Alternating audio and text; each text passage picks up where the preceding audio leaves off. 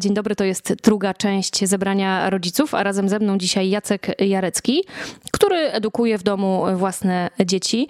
Do pana Jacka dzwonię z prośbą o kilka rad. Powiedział pan w poprzedniej części, że takich rad uniwersalnych dla każdego nie ma, ale jednak będę prosić o jakieś inspiracje.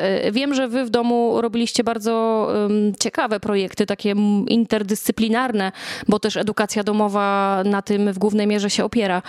Zdradzi pan jakieś pomysły? No spróbuję, chociaż tak jak powiedziałem, jakiegoś całego patentu nie ma. Y, tu zacząłbym od jednej rzeczy, która jest faktycznie taka esencjalna, ważna.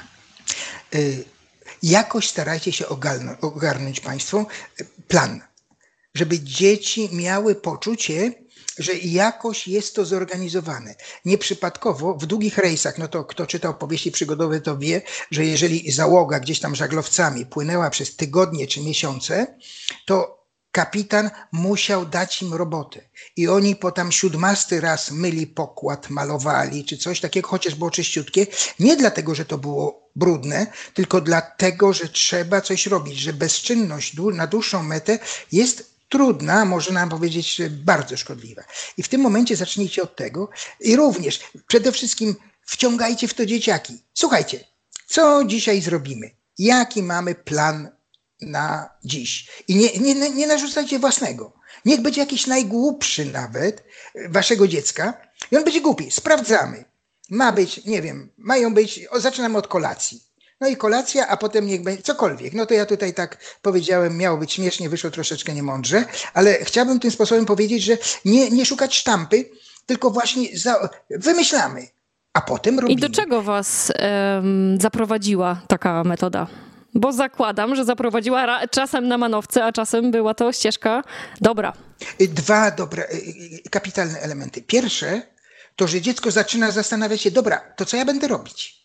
I zaczyna to oceniać, zaczyna y, ewaluować, zaczyna jakoś patrzeć, dobra, czy ja będę robić to, czy będę to. Mogę czytać książkę, mogę dłubać w nosie, przepraszam, y, mogę y, grać w grę, mogę również to, a mogę na przykład pójść na czat do koleżanki. I w tym momencie też zobaczy, aha, ja czatuję, no to ile? Trzy godziny będę czatowała? No może długo. No to może w takim razie pobawię się z psem. I wtedy, jak Pozwolicie dziecku planować. Nie bądźcie szefowie, którzy powiedzą, wiesz co, wstajesz o tej godzinie, a potem od tej do tej robisz to. Nie, to tam zostawmy szkole. Tylko wiesz, poradź mi. Ja nie mam pojęcia, co będzie, żebyśmy razem sensownie spędzili czas. I w tym momencie to dziecko spróbuje. Pierwszy raz wyjdzie średnio, drugi raz może trochę lepiej, a za trzecim razem to nam szczęka opadnie, że nasze dziecko tak fantastycznie potrafiło dostrzec i zaproponować coś. Pan z takim optymizmem o tym mówi, a ja mam gdzieś z tyłu głowy mi się kołaczy jednak, że większość dzieci, którym się pozostawi wybór, może powiedzieć: OK, to dzisiaj nie robię nic, jutro nie robię nic, pojutrze też może niekoniecznie. Co wtedy? Tak, no to, to oczywiście y, nie możemy być tacy całkiem y, bierni, to znaczy y, bądźmy tymi, którzy dopytują się. Słuchaj, dlaczego to? Jak to chcę zrobić? Przede wszystkim nie traktować siebie zbyt tak serio, a zaufać. Dobra, spróbuj i, i wchodzić w ten dialog. Nie wyjdzie pierwszy raz, nie wyjdzie drugi. Jak sami sobie powiemy, no będę cierpliwy. No, a nawet jeżeli jesteśmy wściekli, to ja sobie powiem, oż ty gówniarzu, nie zdenerwujesz mnie.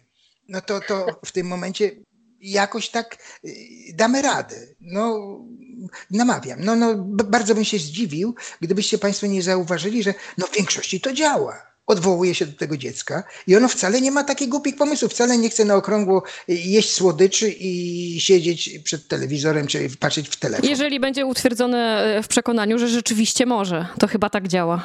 Zdecydowanie tak, tak, zgadzam się. W trzeciej części poprosimy zatem o pomysły. Do rozmowy zaraz wracamy.